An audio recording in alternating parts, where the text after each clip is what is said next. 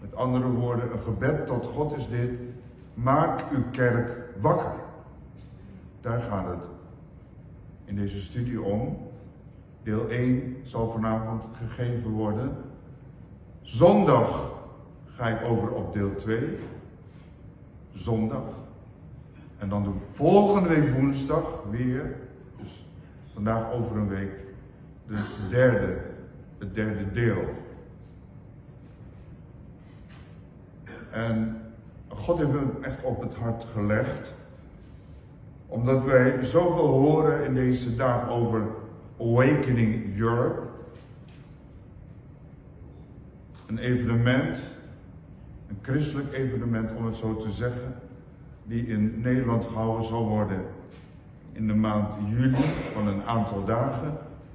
Dat christenen bij elkaar komen van over de hele wereld. In onze stad, in Ahoy. Om daar diensten te houden, gezamenlijke diensten, maar ook om outreach te gaan doen. Dus naar buiten te gaan, de stad Rotterdam in te gaan, het centrum in te gaan, om daar het evangelie te brengen.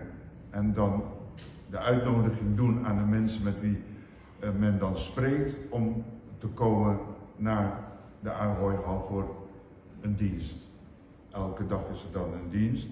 Ik wil u ook bijvoorbeeld al zeggen dat, ik meen dat het de laatste zondag is, ik weet even de datum niet, maar aan het eind van het evenement, de laatste zondag, zal hier in dit gebouw geen dienst zijn. U hoort toch wel wanneer dat is natuurlijk.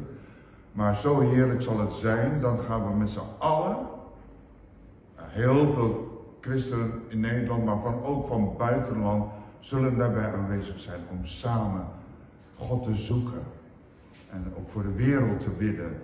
Dus ik, ik, ik, roep u toe, probeer er echt bij te zijn. Het is echt heel belangrijk, want ik ben ervan overtuigd. En we zullen elkaar daarna best spreken. En dan ben ik ervan overtuigd dat het in uw leven een hele ommekeer gebracht zal hebben. Daar ben ik van overtuigd. Een heel bredere visie, een andere visie, maar ook een bredere visie zult u krijgen. Daar ben ik van overtuigd. En dit is echt iets wat God leidt, wat God georganiseerd heeft en in de harten van de organisatoren gelegd heeft. Dus wees erbij, want het is uniek. Het is niet jaarlijks zo, het is uniek. Dus doet u moeite, houdt u rekening als het mogelijk is ook met uw vakantie. Het is wel de maand juli, maar probeer er toch rekening mee te houden om erbij aanwezig te zijn. Want het is echt, u mist ontzettend veel wat u later in uw leven uh, als bouwstenen nodig heeft. Echt waar. Deze studie vandaag, deel 1. Awaken your church. O Heer, maak uw kerk wakker. En ik ben ervan overtuigd dat wij in een tijd leven waar de kerk van Christus wakker gemaakt moet worden. De kerk van Christus is ontstaan ten tijde van Handelingen 2, bij de uitstorting van de Heilige Geest in Jeruzalem, toen ter tijd, ongeveer 2000 jaar geleden, is hij ontstaan. Als u leest het boek Handelingen, dan moet, dat moet iets doen. Dan, dan ziet u hoe die kerk, hoe de christenen toen, van de eerste tijd, zo vol vuur waren. En dagelijks zelfs bij elkaar kwamen aan huis. En halve dagelijks bij elkaar komen, kwamen om God te zoeken. Maar er was ook een vuur brandende van de Heilige Geest in hen, die hen daartoe dreef om elkaar op te zoeken. Om elkaar, met elkaar te bidden, om met elkaar God te prijzen. En alles in de sfeer van de Heilige Geest. Dagelijks. Dagelijks. We moeten uitzien naar een opwekking. En het verbaast me de laatste tijd dat ik zo hoor. Hier en daar gelukkig hoor. Niet, niet heel veel stemmen, maar toch wel meerdere stemmen. Uh, die zeggen, er komt geen opwekking.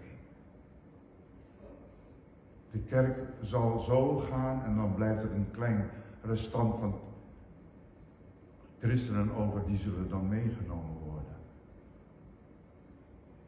Ik sta daar niet achter, ik wil dat nu ook zeggen. Ik sta daar niet achter. Ik zie uit naar de laatste opwekking. U ook? Want er is ook sprake van een laatste oogst. Ook van een late regen. En dat wil ik even uitleggen. Op het platteland in de akkerbouw geldt een vroege regen, dat is in het voorjaar. Dan ontkiemt het gewas. Dan gaat het groeien. En dan aan het eind, september, oktober, meen ik, maar elk geval maanden daarna, dat gewas ontvangt dan de late regen. Zeker in, in de tijd van Jezus in het Midden-Oosten. Dan, dan heb je de late regen en dan komt dat gewas, komt de vrucht tot rijpheid. En dan wordt er geoogst.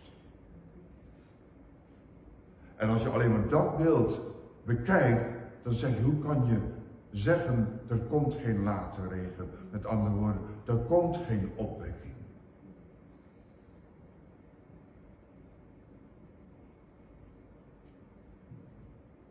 Ik geloof in een opwekking voor de laatste keer.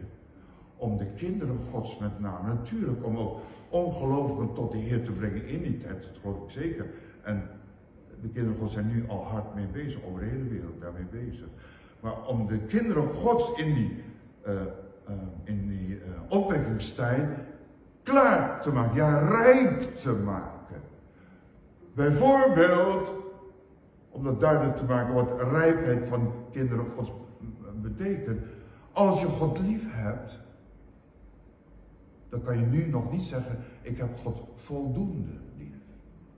Als je zegt, ik geloof in God en wat hij kan doen, dan kan niemand zeggen van ons, zeker niet.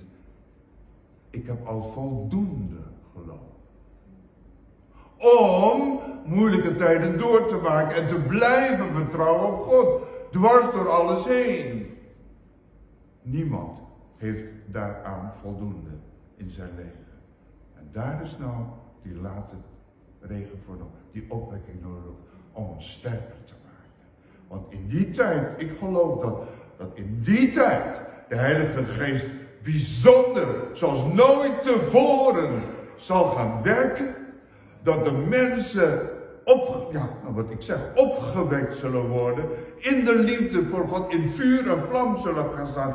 Velen terug zullen gaan naar een eerste liefde. En daar zullen gaan opbloeien. Naar een grotere liefde voor God. Een sterker geloof. Want lieve mensen, Oké, als wij zeggen en wij beweren en wij, als wij Gods woord opkomen, wij zullen die grote verdrukking niet meemaken als wij volharden.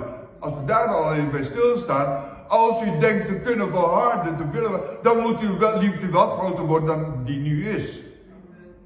Dan moet het geloof en het vertrouwen op God, als u denkt, ik zal het niet meemaken, ik zal er al weggenomen worden, dan moet uw geloof en vertrouwen al sterker zijn dan die nu is.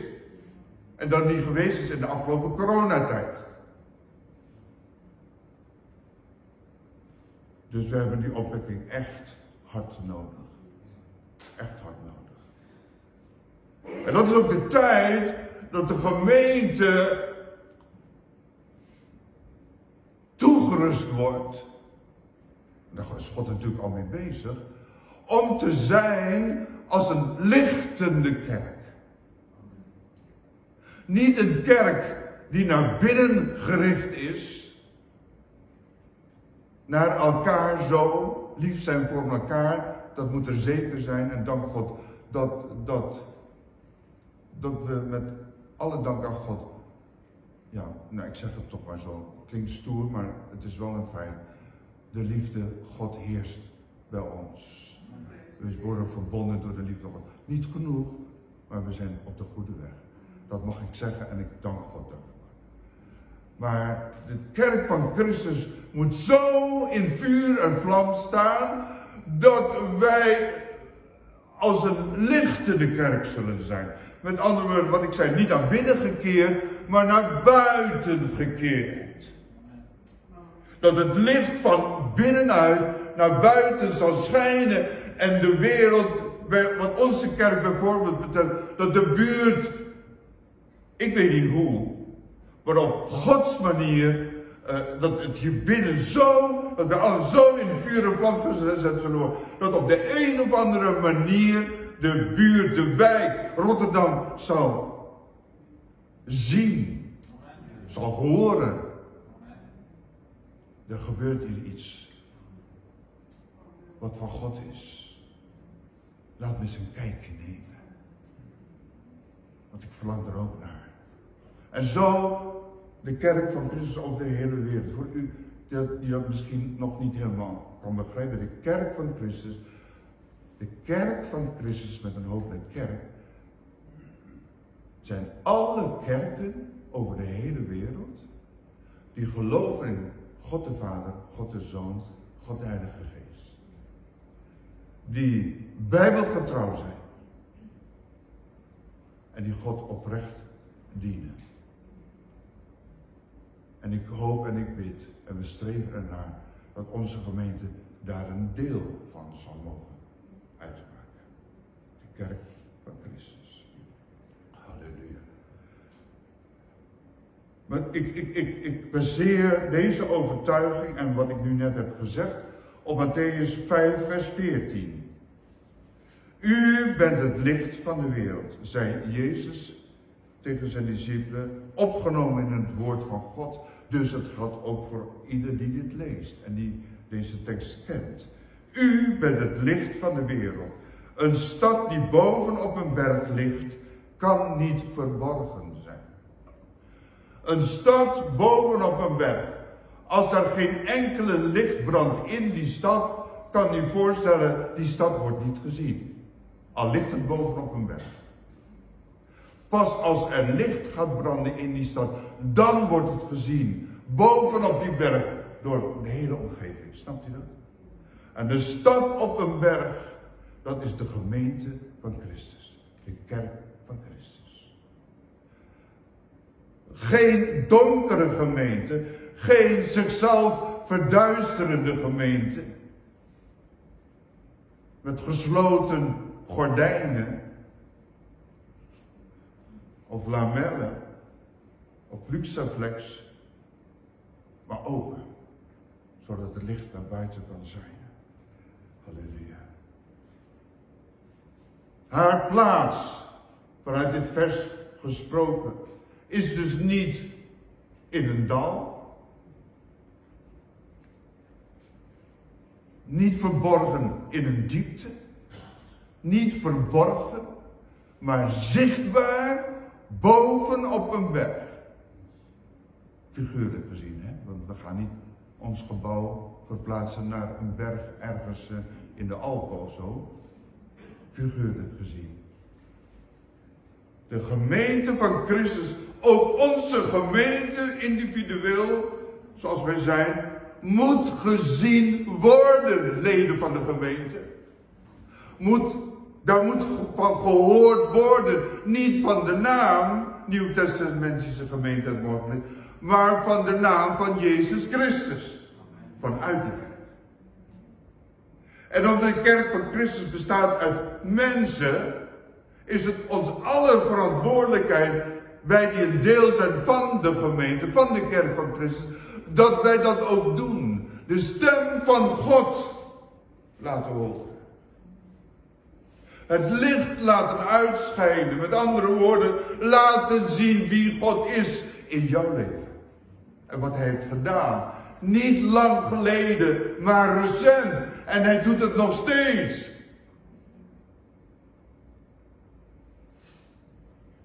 Halleluja. Halleluja. Hoe kan men dan denken? Ook als we onze gemeente zien. Dat wij daarvoor geen opwekking nodig. Van de Heilige Geest. Ons meer. Een geestelijk wakker worden. opstaan uit onze geestelijke graven. Ja. De graven, ook ieder persoonlijk. Een graf kan er mooi uitzien. De Bijbel spreekt over wit gepleisterde graven. Dus mooi hè, wit van kleur. Maar de dood heerst in dat graf. En daarom roep ik vanuit Gods wegen u toe. Sta op uit de dood. Sta op uit de dood. Word wakker. Geestelijke mensen. Uh, geestelijke dood. Lieve mensen. Halleluja. En laat zien wie God is. Laat horen. En zeker. Zal u misschien zeggen, en ik net zo misschien ook wel, in sommige opzichten. Oh, maar dat ben ik niet gewend. En dat durf ik niet. En dat ben ik, daarvoor ben ik verlegen.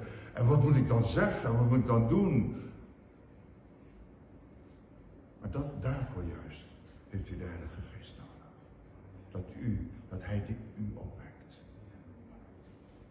Want hoe kunnen we anders zijn? Het lichtende stad op een berg. Het licht komt door de Heilige Geest in ons en door ons heen. Ontvang nieuwe kracht van God door zijn Heilige Geest. Ik heb dat in mijn aantekeningen uh, in hoofdletters gezet. Ontvang nieuwe kracht van God door zijn Heilige Geest. Het thema van dit seizoen onze voor onze gemeente is, uh, gaat om doorbraken van Gods kracht. A year of a breakthrough of God's power. Gods. En lieve mensen, wat u denkt moet u weten. Maar wat ik denk mag u ook weten. Ik heb de doorbraak van Gods kracht nodig in mijn leven. Hoe de steeds zijn hand op. Ja. Ik heb dat nodig. Echt.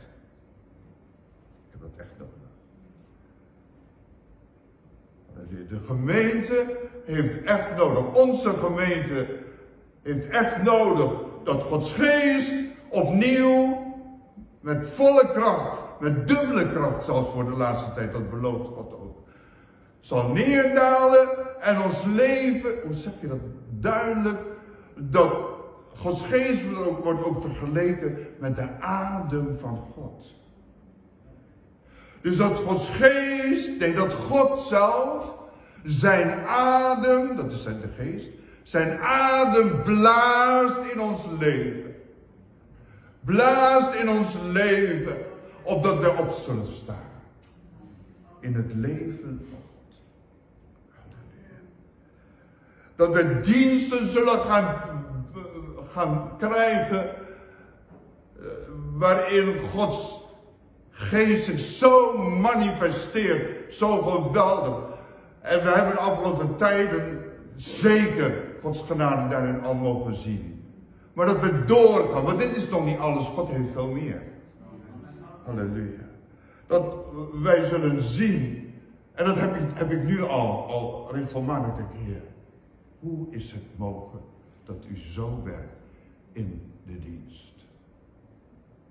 Niemand van ons kan zeggen dat komt omdat hij voorgaat, of omdat hij voorgaat, of dat hij spreekt of hij spreekt. Als er dingen gebeuren, laat me bij mezelf blijven. Dat mag ik u van hart tot hart zeggen. En ik mag spreken. En als daarna ik zo merk dat Gods geest zo aanwezig is. En zo werd, heb ik echt niet God weet. De gedachte, ook maar een, een, een, een, een, vlaag van gedachte van, dat komt door mij. Wat ik gesproken heb, nee, echt niet. Zo groot, daarmee wil ik aangaan. Zo groot zie ik de dingen die Gods geest soms doet in de gemeente nu al. Dat je echt zegt, dat kan niet van een mens komen. Gewoon van God. Laten we daar de Heer voor danken. Halleluja. Halleluja. Waar we zullen grotere dingen gaan ervaren. We zullen grotere dingen gaan doen dan Jezus heeft gedaan, zei hij zelf in het volgende vers. Johannes 14, vers 12. Voorwaar, voorwaar, ik zeg u, wie in mij gelooft, lees u goed, wie in mij gelooft. En u begrijpt wel wat voor geloof dat moet zijn. Zal de werken die ik doe, zei Jezus, ook doen en hij zal grotere doen dan deze, want ik ga heen naar mijn vader. Met andere woorden, bij die laatste zin te beginnen. Ik ga naar de hemel, dat zei hij vlak voor zijn hemelvaart. Maar mijn werk gaat door. En ik heb jullie daarvoor nodig. Wonderen en tekenen van Gods kracht zullen niet meer door Jezus, zouden niet meer door Jezus kunnen gebeuren, want Jezus was ten hemel gegaan. Wij zijn het verlengstuk van zijn armen, alleen om mensen te bereiken. Wij zijn als de stem van God om mensen, om tot hun harten te spreken. God heeft u allemaal nodig. Halleluja. Maar waarvoor hebben we dan in de eerste plaats die opwekking nodig om ons geloof op te wekken. Want er staat, voorwaar, voorwaar, met andere woorden, ik ga nu heel iets belangrijks zeggen. Daarom staat er voorwaar, voorwaar. Dat zegt God altijd als hij een, een, een, een, waarheid vertelt. Ik zeg u, wie in mij gelooft, die zal grotere dingen doen dat ik heb gedaan. En ik wil u echt toeroepen. Laat er niemand in ons midden zijn en ook van de, van de toehoorders op een later tijdstip. Laat er niemand van u denken, nou ik niet, want wat moet ik doen? Ik wonderen en tekenen doen? Nee, niet ik. God door jou heen. Door zijn geest heen. Ik kan dat ook niet. De grootste man Gods in de wereld kan dat ook niet. Die kan ook niet zeggen, ik zal even mensen genezen. Niemand kan het zeggen. Maar God, je moet ruimte maken voor Gods Heilige Geest. Om in je leven te gaan, sterker te worden in je leven. En daarvoor is ieder kandidaat hier in ons midden. En ook u die luistert. Je bent door God kandidaat gesteld om de wonderen en tekenen te doen in jouw omgeving. Nieuw geloof, nieuwe kracht, een nieuwe grote honger naar het woord van God. Een dorst naar meer van Gods geest. Moeten we daarvoor niet wakker worden? Opstaan uit het graf van ons leven. Weet u, als ik daarover spreek, dan zal u misschien zeggen, en ik ook, en u die luistert misschien, via Facebook en via YouTube, ja, maar ik ben geestelijk niet dood. Hoe durft u dat te zeggen? Ja, ik mag ook zeggen, ik ben geestelijk niet dood. Want ik weet dat God in mij leeft. Maar er zijn toch delen, dingen die we meenemen hebben meegenomen van ons oude leven, sporen van ons oude leven, onze oude karakter, die nu nog op de kop opsteken.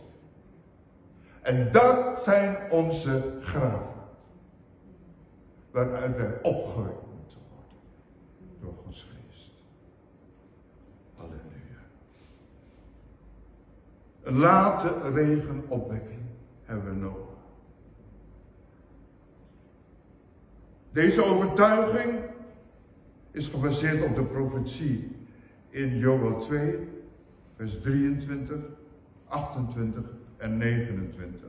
Ik lees het u voor en u ziet het daar op het scherm. En u, kinderen van Sion, verheug u en wees blij in de Heer, uw God. Want hij zal u geven de leraar ter gerechtigheid. En dat is Gods heilige geest die zal regen op u doen neerdalen vroege regen en late regen in de eerste maand. Even dit. Lees u goed. In één maand tijd dus vroege regen en late regen. Dat is niet natuurlijk. Want daar zit normaal gesproken in de akkerbouw zitten er maanden tussen. Maar geestelijk gezien is dat en gaat het ook gebeuren. Vroege regen, de eerste aanraking van God, de tweede dubbele aanraking van of de tweede aanraking van Gods geest. Maar dan in één keer. In een korte tijd. En je ziet nu mensen al binnenkomen, ook bij ons in de gemeente, die heel snel groeien. Vroege regen, late regen. Is al begonnen. De eerste druppels. Voelt u dat zelf ook? Gaat u ook in die bui staan? Of gaat u eerst toezien hoe anderen dat ervaren? In één maand tijd, vroege regen, laat regen. Dus snel op elkaar. Haast, haast, haast. Geen tijd verdoen. Niet thuis blijven als u wel kunt komen. Haasten. De Bijbel zegt, en als u zegt ik ben gehoorzaam aan Gods woord. De Bijbel zegt, koop de tijd uit. We kunnen in alle andere dingen gehoorzaam zijn. Maar als we hier niet gehoorzaam zijn, zijn we nog ongehoorzaam. En ongehoorzaamheid is de bron van rebellie tegen God.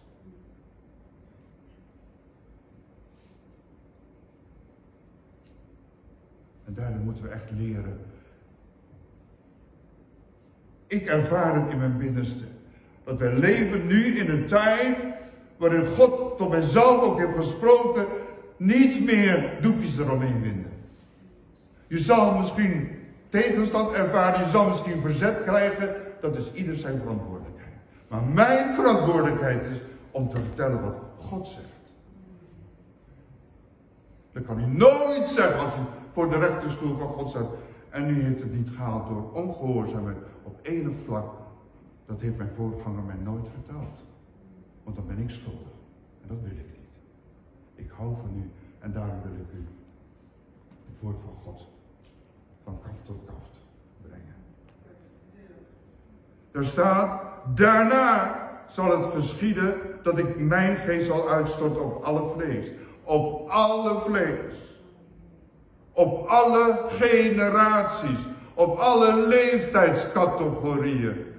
Om maar zo te zeggen, van 0 tot 100. Ik zal mijn vlees op alle vlees uitstorten.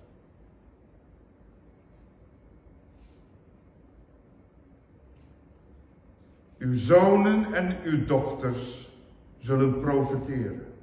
Uw ouderen zullen dromen dromen, profetische dromen dus. Uw jonge mannen zullen visioenen zien, geestelijke visioenen. Ja, zelfs op de dienaren en op de dienaressen zal ik in, in die dagen mijn geest uitstorten. Dus elke voor God, God bedoelt die regen voor elke generatie onder zijn volk. In de gemeente. Elke generatie. Van jong tot oud. Hij zal in die tijd, de tijd van opwekking, op elke generatie met zijn regen komen voor, die, voor wie dorsten. Daarna. Ja, zelfs op de dienaren, de dienaressen zal ik in die dagen mijn geest uitstorten daar staat ja zelfs op de dienaar. Met andere woorden, daar wordt naar mijn idee niet gesproken over geestelijk dienen, maar ook de, in die tijd de slaven, de bedienden. Zelfs op die mensen, op alle vlees. Zo bedoelde het God toen hij sprak in die tijd. Voor ons betekent dit, want het is nog niet gebeurd, het heeft nog niet plaatsgevonden, betekent dat voor iedereen. Hoe je ook voelt. Hoe min je ook voelt. Hoe kort je je ook voelt op de weg van God. Alle vlees. Hoe je leven ook is geweest als kind van God. Alle vlees. Halleluja. Halleluja. God betrekt elke generatie in de late regentijd. Waarin Gods geest meer dan ooit gaat werken en er bovennatuurlijke dingen gaan gebeuren in de gemeente en door de gemeente. Opdat de kerk van Christus een lichtende stad zal zijn, als een lichtende stad zal zijn op, op een berg. En we lezen ook ergens, ik meen dat het ook in, ik weet wel zeker in het Oude Testament staat, in een van de profeten, in de profetenboeken, dat de heidenen zullen toevloeien naar de berg Gods. En die berg zullen beklimmen. En ze zullen zich voegen bij het volk van God. En daarom moeten wij een lichtende stad op een berg zijn.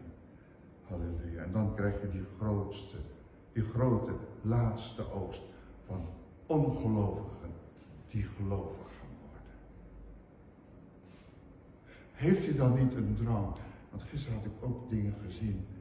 Ik dacht, Heer, op YouTube. En dacht, Heer, als dat de laatste oogst is, waar wij niet ver vandaan zijn, en u sluit dan zelf de deur, zoals wij lezen van de bruiloftzaal, geen toegang meer. Waarom ontstaat er niet in ons hart een verlangen om iedereen toe te roepen, kom, kom binnen, voordat het te laat is? Waarom is ons hart niet zo gestemd, broeders en zusters? Waarom? Omdat we die opwekking nodig hebben. Ja. Ja. Ik kan er zoveel meer over zeggen, maar ik wil me even houden bij de lijn van deze studie. Maar laten we het zelf wel onderzoeken. Waarom heb ik die neiging niet? En het gaat er niet alleen om als ik iemand ontmoet, ja, dat getuig ik wel. Nee, dat je, dat je van binnen voelt, ik, ik, wil het, ik wil het vertellen. Die, die mevrouw, die meneer, die kennis, die vriend, die vriendin, die van, dat familielid. Ze moeten weten voordat het te laat is. Dat moet leven in ons hart. Dat moet leven in ons hart. Als de geest kan niet anders of dat gaat leven in onze hart. Ik wil met u gaan naar de vader, het verhaal van de vader met de maanzieke zoon. Marcus 9. Ga u dat voorlezen? Marcus 9.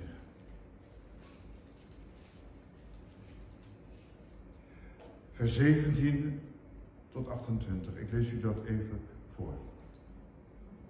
Marcus 9, vers 17.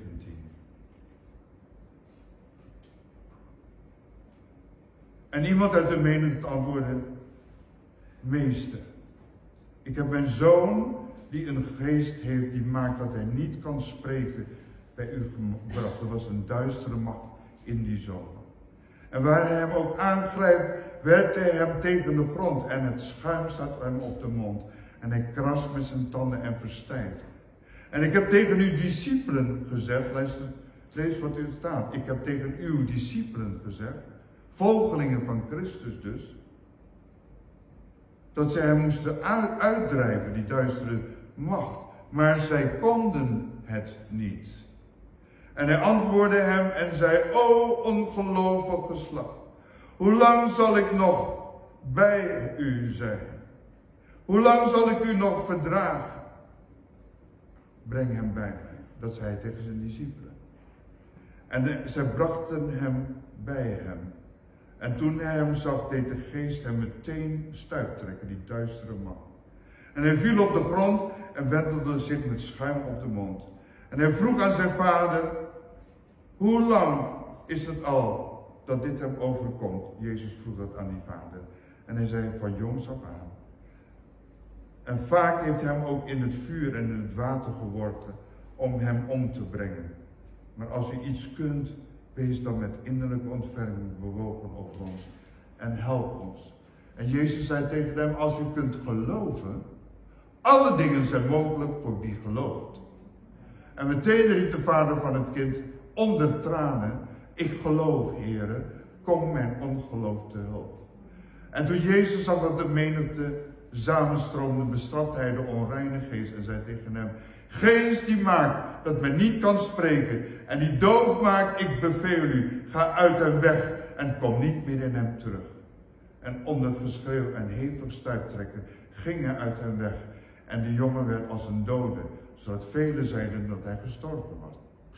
En Jezus pakte hem bij de hand en richtte hem op en hij stond op. Vers 28 En toen hij naar huis gegaan was en zij alleen waren, vroegen zijn discipelen hem, waarom hebben we hem niet kunnen uitdrijven? En dan de volgende tekst ook nog. En hij zei tegen hen, dit soort kan nergens anders door uitgaan dan door bidden en vasten. Hier staat dit soort. Ik heb het nog nooit zo gelezen. Dit soort kan nergens anders door uitgaan dan door bidden en vasten. De discipelen hadden zeer waarschijnlijk wel duivelse machten kunnen uitdrijven uit anderen. En misschien ook wel zieken kunnen genezen. Maar niet bij de jongen. Dit soort, dat lukte hun niet.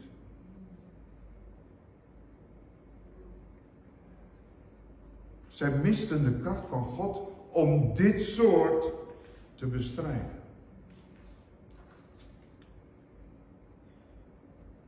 Wat zegt het ons voor deze tijd? In de voorgaande jaren in de geschiedenis van de kerk, van Gods kerk, hebben kinderen Gods mensen bevrijd van duivelse machten. Genezing tot stand gebracht. Bij ons gebeurt dat ook. Door God. Maar waarom, in het algemeen gesproken, gebeurt dit in deze tijd nog te weinig? Er zijn zelfs kerken die daarin niet geloven. In onze voorgeschiedenis van onze kerk gebeurde dat zeer zelden. Waarom? Omdat men zei, ik zeg het, innerlijke genezing is belangrijker dan lichamelijke genezing. Dat is waar. Als je je bekeert van binnen, dat is belangrijker dan uiterlijk. Maar Gods Jezus spreekt daar zelf over. Wonderen en tekenen zullen gebeuren, ook in de laatste dagen, opdat God gezien zal worden en verheerlijkt zal worden. Opdat God mens zal, opdat de mensen God zullen gaan herkennen, zullen gaan zien en zo tot God zullen komen. En daar ben ik van overtuigd. En dat is nu mijn overtuiging. Lieve mensen, we hebben allemaal, ook u die luistert achteraf, nieuwe kracht van God nodig om in deze tijd bevrijding in deze wereld te kunnen brengen. Er moet een revolutie plaatsvinden in de kerk van Christus. Er moet een revolutie plaatsvinden in de gemeente het morgenlicht. Een omwenteling. Halleluja. Een doorbraak van Gods kracht. Wat bedoelde Jezus met dit soort?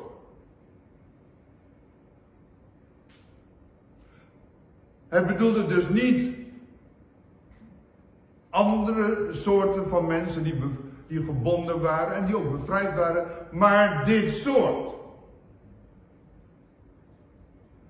Ik wil het proberen u duidelijk te maken.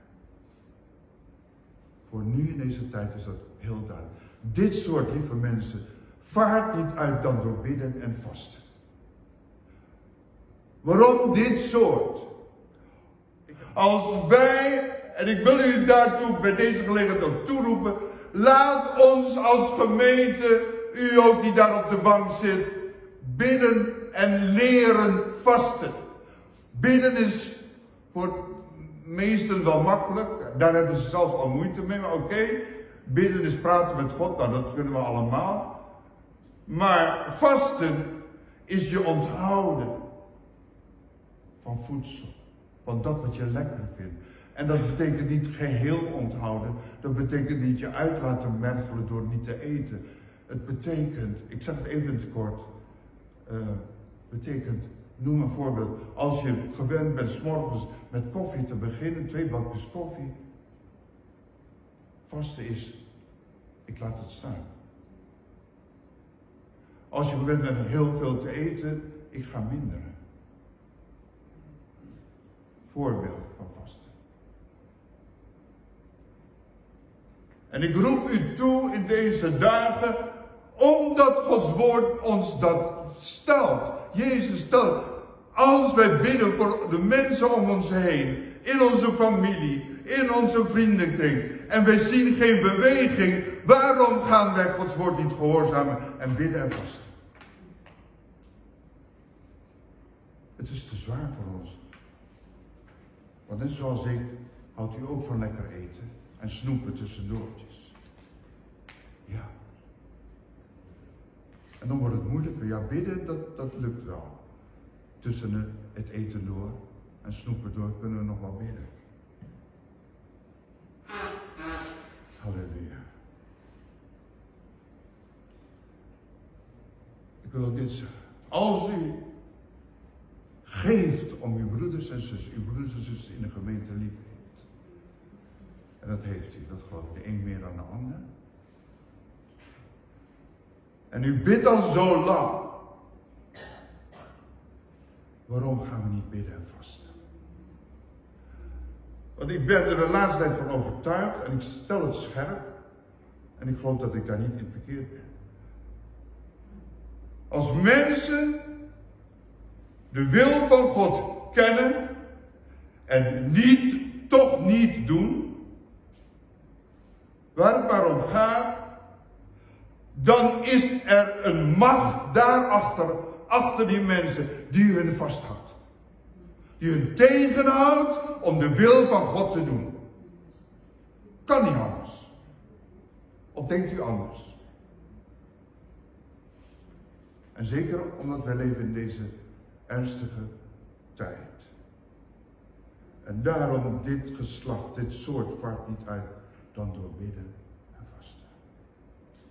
En ik roep het u, laat ons dat samen proberen te doen.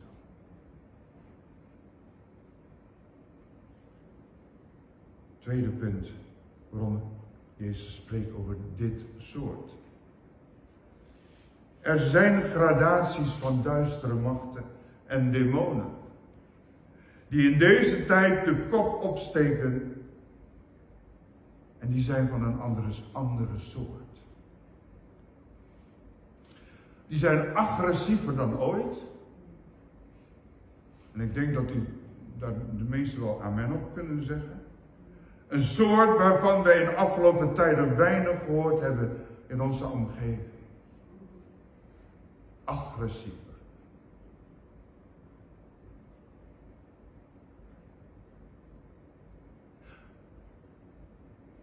Elke bitterheid blijft langer hangen, doordat er duistere macht achter zit. Ik geloof dat, en u kan daar niet mee eens zijn, ook die dat woord, maar ik ga daar wel zo mee om. Omdat ik wil dat ook ik vrijgemaakt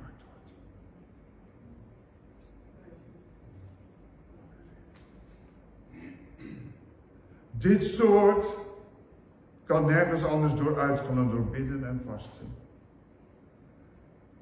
Halleluja. In deze tijd dus zijn andere duistere machten en krachten bezig. Ik lees hier Efeze 6, vers 12. Er zijn dus gradaties van duistere machten.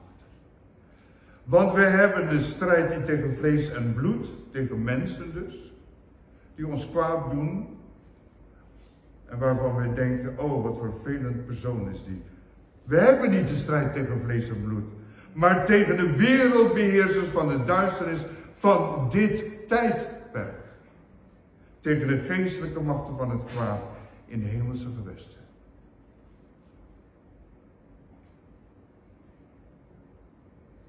Met andere woorden, het is niet één macht, het zijn diverse duistere machten. En u snapt wel, daar kom ik dadelijk ook alweer op, maar goed, nu meteen, dat als de duivel weet en hij beseft het meer dan het elk kind van God vaak, de, de, de duivel beseft veel meer dat hij nog maar een korte tijd heeft. Hij weet dat hij een verslagen vijand is. Hij is verslagen. Maar hij heeft nog wel de macht voor hen die daarvoor openstaan. Om ook zelfs kinderen gods van God af te trekken. Als je geestelijk verzwakt. Als je de diensten verzuikt. Zo lange tijd vaart. Dan kan het niet anders of je verzwakt geestelijk. Want je wandelt buiten het woord van God. Je wandelt buiten de wil van God. Hoe kunnen wij zeggen, als wij buiten de wil van God wandelen, dat wij nog geestelijk versterkt worden? Dat bestaat niet. Dat is een fata morgana. Dat is een misleiding. Dat is een misleiding. En Gods woord waarschuwt, lees in de brieven van Thessalon, aan de aan Timotheus. In deze laatste dagen zal de geest van misleiding ook de kinderen van God proberen te misleiden. Met valse leringen. Valse leringen hoeven niet van buiten naar u te komen. We kunnen onszelf valse leringen uh, uh, aan, aanwenden. Uh, valse leringen in ons hoofd halen. O Heer. Maar tegen de wereldbeheersers van de duisternis van dit tijdperk. Dus elk tijdperk heeft dus zijn wereldbeheersers, heeft zijn duistere machten. Dus ook de tijd waarin wij nu leven. En daarom zegt hij, dit soort vaart niet uit dan door binnenvasten. Dit soort. Het geloof neemt toe door bidden en vasten. Het geloof neemt toe door bidden vasten. Als wij gaan bidden en vasten, dan wordt ons geloof sterker. En dat geloof hebben we nodig voor de komende tijd. Halleluja. Door meer tijd en inzet te uh, besteden aan bidden en vasten, zullen wij dieper contact met God krijgen. En zal geloof toenemen. Over die maanzieke jongen. Jezus was daar ter plaatse bij zijn discipelen. Tegen wie hij zei, Marcus 9, vers 19, we hebben het gelezen. O ongelovig geslacht, hoe lang zal ik nog bij u zijn? Hoe lang zal ik u nog verdragen? Maar was er een reactie van hen, die discipelen? De volgelingen van Jezus. Niet zomaar mensen, volgelingen van Jezus.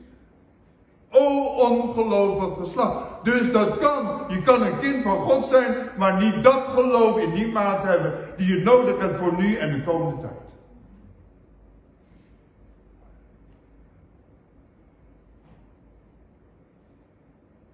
Maar zelfs aan deze woorden tot de discipelen gesproken, gaf geen reactie vanuit zijn discipelen.